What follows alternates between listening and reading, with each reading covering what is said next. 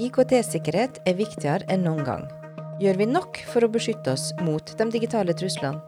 Er det i det hele tatt mulig å unngå dem? I denne episoden snakker vi med forskningssjef ved Sintef Digital, Maria Bartnes, om hvordan trusselen best håndteres.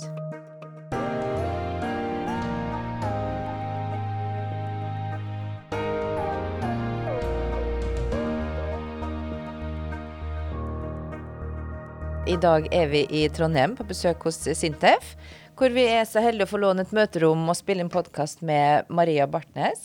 Du må introdusere deg selv. Ja, eh, Maria Bartnes er navnet mitt, som du sa. Eh, forskningssjef ved Sintef Digital, som betyr at jeg leder en av de avdelingene vi har. En forskningsavdeling med en sekstitalls forskere som jobber med både cybersikkerhet, samfunnssikkerhet, industriell sikkerhet og programvareutvikling på ulike måter. Ja. Og så har jeg en toårsstilling på NTNU, så jeg har en liten fot i på universitetet i tillegg. ja. Eh, har du vært der lenge i Sintef, eller? Jeg har vært i Sintef i snart 21 år, faktisk. Begynte her rett etter eh, masteren. Jeg har vært både forsker, tok doktorgrad, jobba som IT-sikkerhetsleder for konsernet. Eh, før jeg begynte som forskningssjef for fem og et halvt år siden. Mm. Og har du alltid vært opptatt av det her med IKT-sikkerhet, eller? Ja, det var det jeg skrev master om. Ja. Så da er vi tilbake i 2002. Uh, og et av de aller første store forskningsprosjektene jeg var med på som fersk forsker tidlig 2000-tall, handla faktisk om IT- og OT-sikkerhet i oljesektoren. Og hvordan man skulle respondere på eller håndtere cybersikkerhetshendelser. Og det var nok litt prematurt, for bransjen var kanskje ikke helt så, bransjen var kanskje ikke helt klar for å snakke om det riktig ennå, for teknologisk utvikling har jo på en måte, hadde kanskje ikke kommet langt nok. Men vi som hadde litt innsikt, vi skjønte at det her kommer til å bli et tema, det her må vi begynne å jobbe med. Ja. Så det har jeg egentlig hatt med meg i 20 år. ja, Så bra. Og da kjenner du både vår bransje og din bransje. Og, og, i dag er det jo det vi skal snakke litt om, det det cyber security, da. Eh, og det kan jo for mange virke både komplekst eh, og samtidig litt diffust og abstrakt. Så vi kan jo starte med, har du noen konkrete eksempler på eh, cybertrusler som næringslivet står overfor i dag? Ja, mange egentlig. Det, det, vanligste som kanskje hver enkelt merker mest, det er jo phishing, e-post, svindel e-poster, spørsmål om å klikke på en lenke hit og dit. Uh, fordi e-post er fortsatt den viktigste kanalen, egentlig, der, der flest angrep spres. Um, veldig lett å lure folk. Konsekvensene kan jo være både småsvindling og egentlig ganske store ja, kanskje installeres det kryptovirus, har vi jo hatt. Det kan jo komme via e-post, sånn at store filområder blir utilgjengelig. Bedriften får rett og slett ikke gjort det de skal gjøre. Um, uthenting av informasjon, lekkasje av sensitiv informasjon. Altså, E-post kan på en måte være inngangen til så forferdelig mange angrep. da. Mm. Vi var jo i Oslo for ikke lenge siden og snakka med Hydro om den eh, ja, det cyberattacket de hadde i 2019, som også starta med en e-post. Um, hvor er man mest sårbar, vil du si da?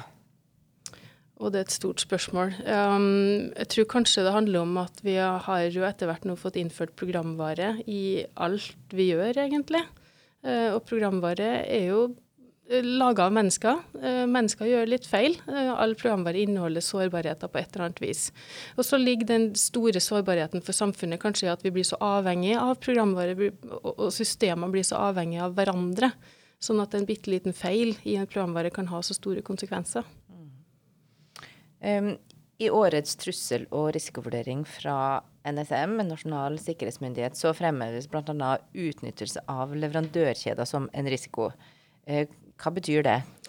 Det betyr at de store selskapene, og det ser vi i flere undersøkelser, at de store selskapene som har mange ansatte, uh, de har mye mer ressurser til å jobbe godt med IT-sikkerhet. Og Det kan være vanskelig for en angriper å, å, gå rett på den virksomheten og angripe og finne hull der. Men en stor virksomhet har jo mange leverandører, som, som både små og store, og som leverer både sensorer, små apper, regnskapssystem, eh, kantinetjenester, altså alle mulige tjenester um, som en stor bedrift trenger. da. Uh, og det kan være små selskap som ikke har de samme ressursene til å jobbe med sikkerhet. Så veien inn til det store selskapet kan kanskje være gjennom noen av de små. Og der er det jo også et tillitsforhold i bunnen mellom det store selskapet og ens leverandører. Det er, jo, det, det, kunden, det er jo kunden som på en måte har ansvaret for sine tjenester og sine, det, det, man skal prøve å få til. Og hvis du trenger en leverandør, så har jo du som innkjøper ansvar for å stille krav og, og, egentlig også følge opp at det blir gjort. Men så kan det være krevende da, når du snakker om de her leverandørkjedene, for du forholder deg som stort selskap til ett sett av leverandører. Og så vil de leverandørene igjen forholde seg til leverandører på videre nivå. Og da er det i hvert fall i praksis en grense for hvor langt du greier å gå som stort selskap i å følge opp hele kjeden. Eh, så det du kan gjøre, er å hvert fall være sikker på at de avtalene du har med dine leverandører, at de er OK. Um, og følge opp dem gjennom samtaler og dialog, men, men, det stopper seg fort når du kommer langt ned, langt ned, i kjeden. Men du kan håpe at det arbeidet du gjør med dine leverandører, at det setter noen spor da, og, og gir noe positiv, ja, positiv motivasjon, eh, engasjement hos dine leverandører til å jobbe tilsvarende med sine. Hvordan kan man egentlig bygge robusthet mot det som er da digitale trusler? Eh, litt sånn med tanke Er man alltid på etterskudd fordi at man merker det for seint? Eller hvordan kan man være i forkant?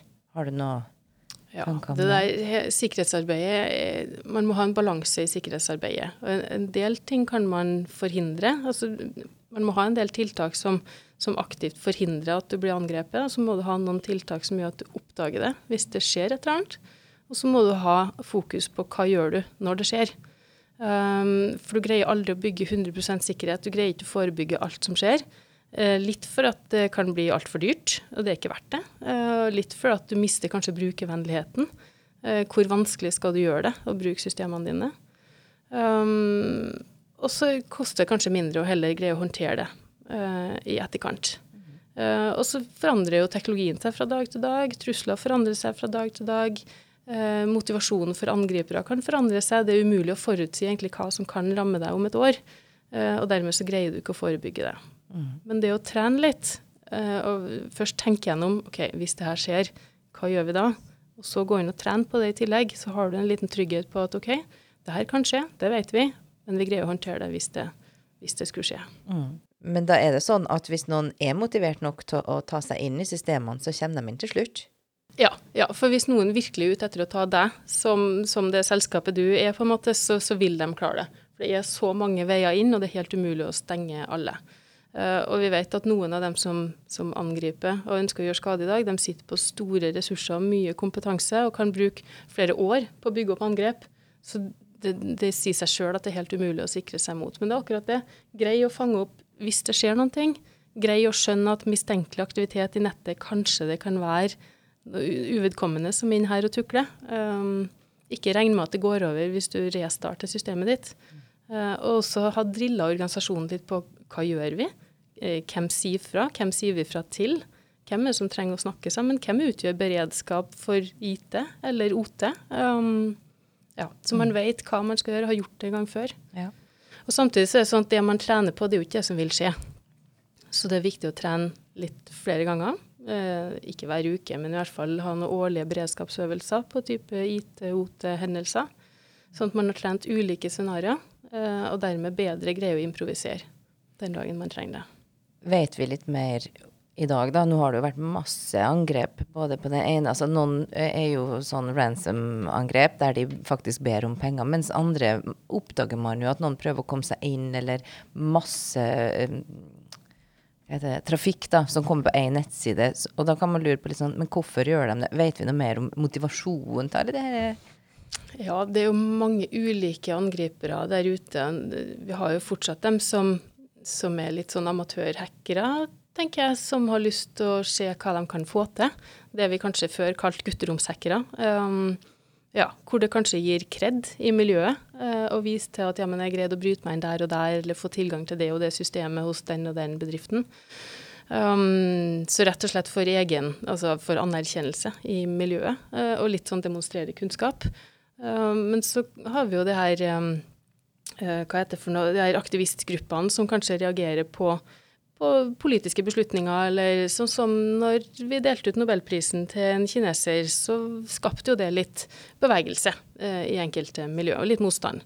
Og så er det noen som får behov for å hevne seg litt på Norge, som gjør det. Det har vi jo sett. Eh, og så har vi de fremmede stater som, som driver etterretning, og, som, og, nå er det jo krig i Europa. Eh, det er ganske sterke fronter mot hverandre. Og det kan jo være en motivasjon for angrep. Og jeg tenker motivasjon pluss den kompetansen, ressursene man har for å angripe, vil jo kanskje bestemme litt hva man både ønsker å få til og greier å få til. Ja, for du snakker om det her med viktigheten av å trene. Er det ditt inntrykk at selskapene legger nok ressurser i det, eller blir det liksom ikke prioritert nok? Ja, det med trening er jo Da må man ta utgangspunkt i hva er det man har gjort fra før. Eh, er man god på å trene, har man satt det i system, eh, så kan man kanskje bare legge til litt nye scenarioer og på en måte inkludere IT i Man trener kanskje på hva hvis det begynner å brenne, hva hvis vi har innbrudd, eh, ja, hva hvis det er en eksplosjon. Og så kan man på en måte legge til noen scenarioer knytta til cyber på øvingslista. Men hvis man aldri har øvd før i det hele tatt, så må man kanskje begynne litt enkelt. Um, man kan jo ha en diskusjonsøvelse, rett og slett samle de riktige folka rundt et bord og diskutere hva hvis. Hva hvis det skjer? Hva hvis du ser en merkelig handling i ditt system, hva gjør du? Eh, sånn at man på en måte får en sånn felles prat, i hvert fall, og en bevissthet, og kanskje i hvert fall finne noen sånne umiddelbare OK, det her må vi forbedre, det her må vi forbedre. Bra at vi fanga opp det her, og ikke når det skjer. Og så kan man jo øke til en helt sånn fullskala eh, øvelse og faktisk iverksette et eller annet hvor man bruker systemene, kanskje tar dem ned, eh, legger inn noe rart. Men det har jo en helt annen kostnad eh, å skulle bruke reelle systemer i en øvelse. Så da spørs det hva er ambisjonsnivået, hva har vi gjort før, hva tror vi at vi greier å få til, og hva er godt nok. Og litt er alltid bedre enn ingenting. Og jeg tror veldig, veldig mange bedrifter er nå på et så lavt nivå at det å bruke noe, litt tid på diskusjonsøvelser gjør det veldig enkelt. Det tror jeg vil ha store gevinster. Og enkelt å få til òg, egentlig, sånn sett. Ja, veldig ja. enkelt å få til. Mm. Jeg eh, hadde jo til og med noen masterstudenter for et par-tre år siden som utvikla noen scenarioer for eh, beredskapsøvelser for eh, petroleumssektoren, som det går an å gå og gløtte på til inspirasjon. Ja. Um, litt tilbake til den her, som jeg nevnte i stad, den store hendelsen i 2019 med Hydro, som de fleste kjenner til nå. Hva tenker du at vi Hva slags læring kan vi ta med oss fra en sånn stor hendelse? Ja, eh, godt spørsmål. Um, antar jo at det er mye det, de, det, kommer vel en del informasjon i media, i hvert fall. og Det tror jeg er veldig veldig positivt. Mm, de var veldig åpne etterpå? Ja, de, de, har vært, de, har vært, og delt på mange konferanser etterpå. Det er jo et eksempel til etterfølgelse, altså. Ja. Og det er flere som har gjort det av media, f.eks. som ble ramma her rundt jula i 2021. Har også vært ute på mange konferanser og snakka uh, og delt erfaringer. Det er utrolig verdifullt. At vi ikke legger lokk på det, men at vi heller tenker at det kan, det kan andre få lære av, og så blir vi bedre sammen. For alle tjener på at alle blir litt bedre på sikkerhet. Du tenker ikke at man blir mer sårbar hvis man går ut med en gang og deler at nå har vi hackerangrep på gang? Man er ikke da mer sårbar for at de skal Jeg tror kanskje det er det som er frykten, eller grunnen til at man ikke alltid gjør det. At man er redd for å blottlegge å ja, men vi hadde en svakhet der, og vi har ikke jobba godt nok med sikkerhet. Um, men jeg tror gevinsten er større. Um, og så er det såpass mange som er ramma av angrep etter hvert, at den um, den følelsen kanskje burde blitt litt Ja, det kan ramme hvem som helst. Og når vi ser at det rammer de store selskapene, så burde det være mindre flaut for alle andre å gå ut og, og dele erfaringer. Mm. Så man trenger ikke å tenke på at det ødelegger ryktet, rett og slett, for det er med å styrke både kanskje renommé og Det er jo enklere å stole på noen, tenker jeg, som er ærlig, da. Og ja. fortelle om det, selv om det det tenker jeg. Og jeg syns det er helt greit og viktig at de også går ut og snakker om ting som ikke funka så bra, ting de har lært. For det viser jo egentlig større modenhet hos en virksomhet hvis de også greier å si det her var vi ikke gode nok på, men det her og det her har vi gjort i etterkant for å bli bedre framover. Tror du vi er litt flinkere til det i Norge i forhold til andre land, og deler litt om Ja, det har jeg ikke noe tall på, men jeg tror kanskje det er ut ifra tillitsnivået såpass høyt i det norske samfunnet, um, og at vi har en sånn grunnleggende ja, jeg skal ikke kalle det snillhet, kanskje, men at vi egentlig ønsker Vi ser kanskje verdien av fellesskapet, og at vi er et lite land og må stå sammen mot andre. Så tror jeg kanskje at det er noe, ja, noen verdier vi har i samfunnet som gjør at det er litt tryggere og litt enklere. Ja. Og så har vi jo heldigvis hatt noen store selskap som har gått foran og delt. Ja.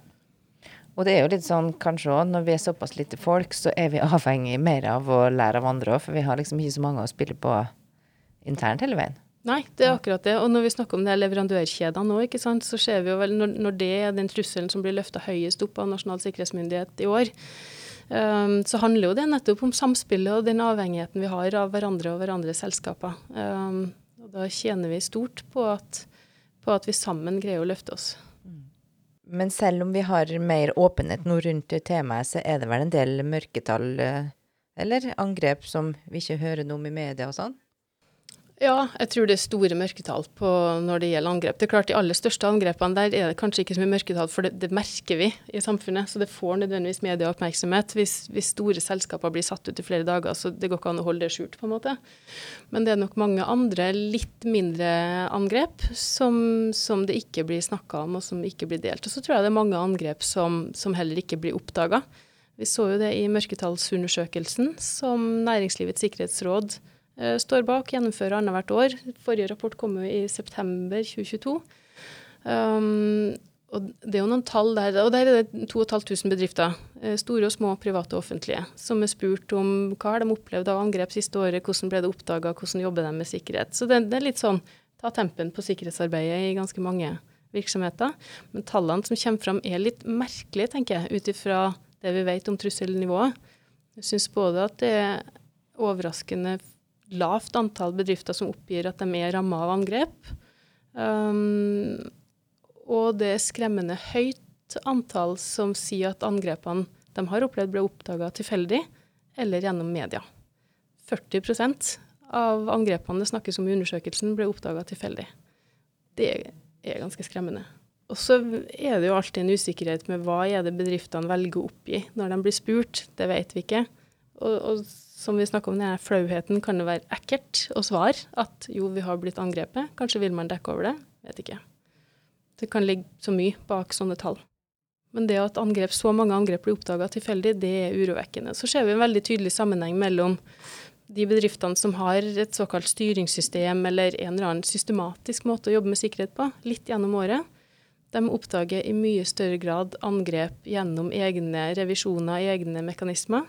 Mens bedrifter som ikke har et styringssystem, eller ikke helt greier å jobbe systematisk, de oppdager angrepene i større grad tilfeldig. Og Det er jo for så vidt en logisk sammenheng. Men det sier litt om at hvis du greier å sette sikkerhetsarbeidet litt i system, og gjør litt uh, ofte i stedet for skippertak eller ingenting, så har det faktisk ganske stor gevinst. Vi offshore det, vi skaper jo og forvalter store verdier for Norge. Og gassen vi eksporterer, den har blitt enda viktigere nå for Europa i den sikkerhetspolitiske situasjonen. Hva kan den enkelte på ulike nivå gjøre da til å bidra økt robusthet mot cyberhendelser? Ja, sånn, Et stort spørsmål, da. For et stort spørsmål. En må kanskje første spørsmål er kanskje å se på, eller første oppgave er kanskje å se på hvordan jobber vi med sikkerhet hos oss. Um, og noen bedrifter i bransjen helt klart jobber veldig godt og systematisk med sikkerhet og har gjort det i mange år. Og så tror jeg at det er en del små, for jeg tror det er litt forskjell på store og små bedrifter, som kanskje ikke helt har greid å sette sikkerhetsarbeidet i system, og som kanskje ikke helt har tatt inn over seg hvor viktig sikkerhet er for seg. Fordi vi leverer jo bare en app, eller vi leverer jo bare den tjenesten. Det har jo ikke så mye å si. Vi er jo ikke så viktige, det er ingen som er interessert i oss. Mm. Så jeg tror det å, gå tilbake og se på egen bedrift, hvordan jobber vi med sikkerhet? Um, og hvis svaret det gjør vi for lite av, så tenker jeg at det er kanskje tre ting som er viktig uh, å få på agendaen. Det ene er å få oversikt over hvilke verdier er det vi har. Hva er det vi lager, eller hvilke systemer er det viktigst for oss at virker? Uh, og hvilke leverandører vi er avhengig av, for å tegne opp det bildet av hva, hva, er mest kritisk for at vi skal være i drift. Og så, punkt to, så er det viktig å bygge en sikkerhetskultur uh, som gjør at man både snakker om sikkerhet internt og tør å stille spørsmål. Uh, jeg tror kanskje at det kan være skummelt for dem som ikke, IT, som ikke er IT-eksperter, ikke er sikkerhetseksperter, å stille de såkalte dumme spørsmålene, både til hverandre og til leverandører. Og det er jo gjennom å stille spørsmål at vi blir bedre. Så det å bygge denne sikkerhetskulturen, stille spørsmål og ikke minst tørre å innrømme feil Du har åpna denne e-posten og klikka på en lenke og skjønt etterpå at det skulle jeg jo ikke ha gjort. Men man må tørre å si det, for da kan vi på en måte hindre eh, at det får noen større konsekvenser. Og så punkt tre, sett sikkerhetsarbeidet litt i system. Sjøl om man ikke er økonomiekspert som leder, så sjekker man jo regnskapet hver måned. Selv om man ikke er sikkerhetsekspert, så kan du jo ta en liten sjekk. Hvordan står det til? Er det noen nye trusler som må komme siste måneden? Ha det på agendaen litt fast, ikke som skippertak. Det tenker jeg er tre tiltak som man kan gjøre sjøl om man ikke kan IT, sjøl om man ikke kan sikkerhet. Folk flest kan jo veldig lite om det her, og det fremstår jo kanskje for noen ganske sånn diffust og skremmende. Er det ikke litt vel mye ansvar som blir lagt på individet da, at eh, folk skal sette seg inn i alt det her?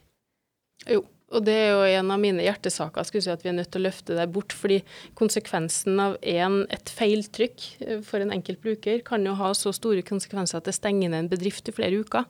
Og det er jo egentlig et ansvar som den enkelte brukeren ikke skal ha i det hele tatt. Eh, så vi har en vei å gå i å bygge bedre både IT-løsninger generelt, og også sikkerhetssystemer som gjør at den enkelte brukeren ikke blir en så stor sårbarhet i systemet som man kanskje er i dag. Men det handler også om å ha barrierer på en måte, eller sikkerhetsløsninger litt sånn i flere nivåer eller flere lag. Sånn at det går an å trykke feil der, men det blir fanga opp neste, eh, på neste nivå. Hvis vi retter blikket litt opp fra det her individnivået og til det internasjonale bildet, hvordan vil du si da at arbeidet med IKT-sikkerheten blir påvirka av det som skjer ute i verden akkurat nå? Nei, Det er jo en, en, krevende situasjon i Europa og i verden for tida, som har for så vidt endra seg gradvis, i dem som har, si dem som har fulgt med. Men for oss andre så kom det jo kanskje litt brått på i, i februar 2022, når krigen brøt ut. Men det har jo vært en tydelig utvikling i negativ retning av demokratier rundt omkring i verden, og en tydeligere litt sånn Vesten mot resten-situasjon. Um, som selvfølgelig påvirker hvem er det vi skal handle med, hvor mye skal vi handle med ulike land. Uh, hvor skal vi kjøpe IT-systemer fra? Skal, hvem stoler vi på? Det er klart at det bildet endrer seg litt. Um, i, i, tråd med verdensutviklinga og den geopolitiske situasjonen. Men så er jo Norge et bitte lite land, så vi kan jo aldri tenke at vi skal greie å lage alle løsninger og på en måte klare oss helt sjøl. Vi er jo helt avhengig av å samarbeide. Og så må vi kanskje være litt kloke i hvem er det vi samarbeider med, hvem er det vi kjøper fra, hvem stoler vi på. Um, Tror du vi er litt naive når vi laster ned alle mulige apper på jobbtelefonene? Det er også et ja, naiv Da er vi over på at det er brukeren plutselig som får ansvaret igjen. Og det er det som er så forferdelig vanskelig. For om, om en minister eller andre har TikTok på telefonen, så er det bare et resultat av at det går jo an. Uh, skal det være opp til den enkelte uh, å ta det valget, eller er det noen andre som skal ta det valget for oss? Jeg syns jo Jens Stoltenberg sa det veldig bra på årskonferansen, NHO sin årskonferanse tidlig i januar, um, om at både politikk, uh, næringsliv og forsvar det henger jo så godt sammen at det kan ikke håndteres hver for seg. ikke sant? Um, for hvilke bedrifter som kjøper fra hvem, eller, eller hvem de fusjonerer med, det er jo også en politisk uh, Det har jo også en, altså en politisk konsekvens. Så, så, vi er nødt til å tenke både forsvar, politikk og næringsliv mye mer sammen. Vi så det i Bergen Engine-saken, som kun ser ut som en ren sånn oppkjøpssak. Men, men, så er det noe med ja, men her var Russland inn med noen eierinteresser. og Hva betyr det hvis de skal få en så stor plass i, i, i Norge? Er det greit? Og så var vel det ikke greit. Så, så det, er store, det, det er beslutningene som før kanskje var litt små og oversiktlige, de er, ganske, de er litt mer komplekse. Um, og det må vi greie å ta inn over oss. Vil vi ha størstedelen av bilparken vår med kinesiske biler når vi er så skeptiske til kinesisk teknologi? Er det lurt? Ja, det er mye vi må tenke på og ta hensyn til, men um, hvis du avslutningsvis nå skulle peke på én ting som er viktig å prioritere i denne situasjonen vi står oppe i nå, hva ville det vært? Ja, jeg tror det aller viktigste er at uh, alle bedrifter må bli litt mer opptatt av sikkerhet. For jeg tror hvis alle gjør litt, um, så blir Norge sikrere uh, totalt sett. Mm. Oppfordring til alle der. Ja. Tusen hjertelig takk for at du ble med oss. Tusen takk for at jeg fikk lov til å delta. Kjempekjekt.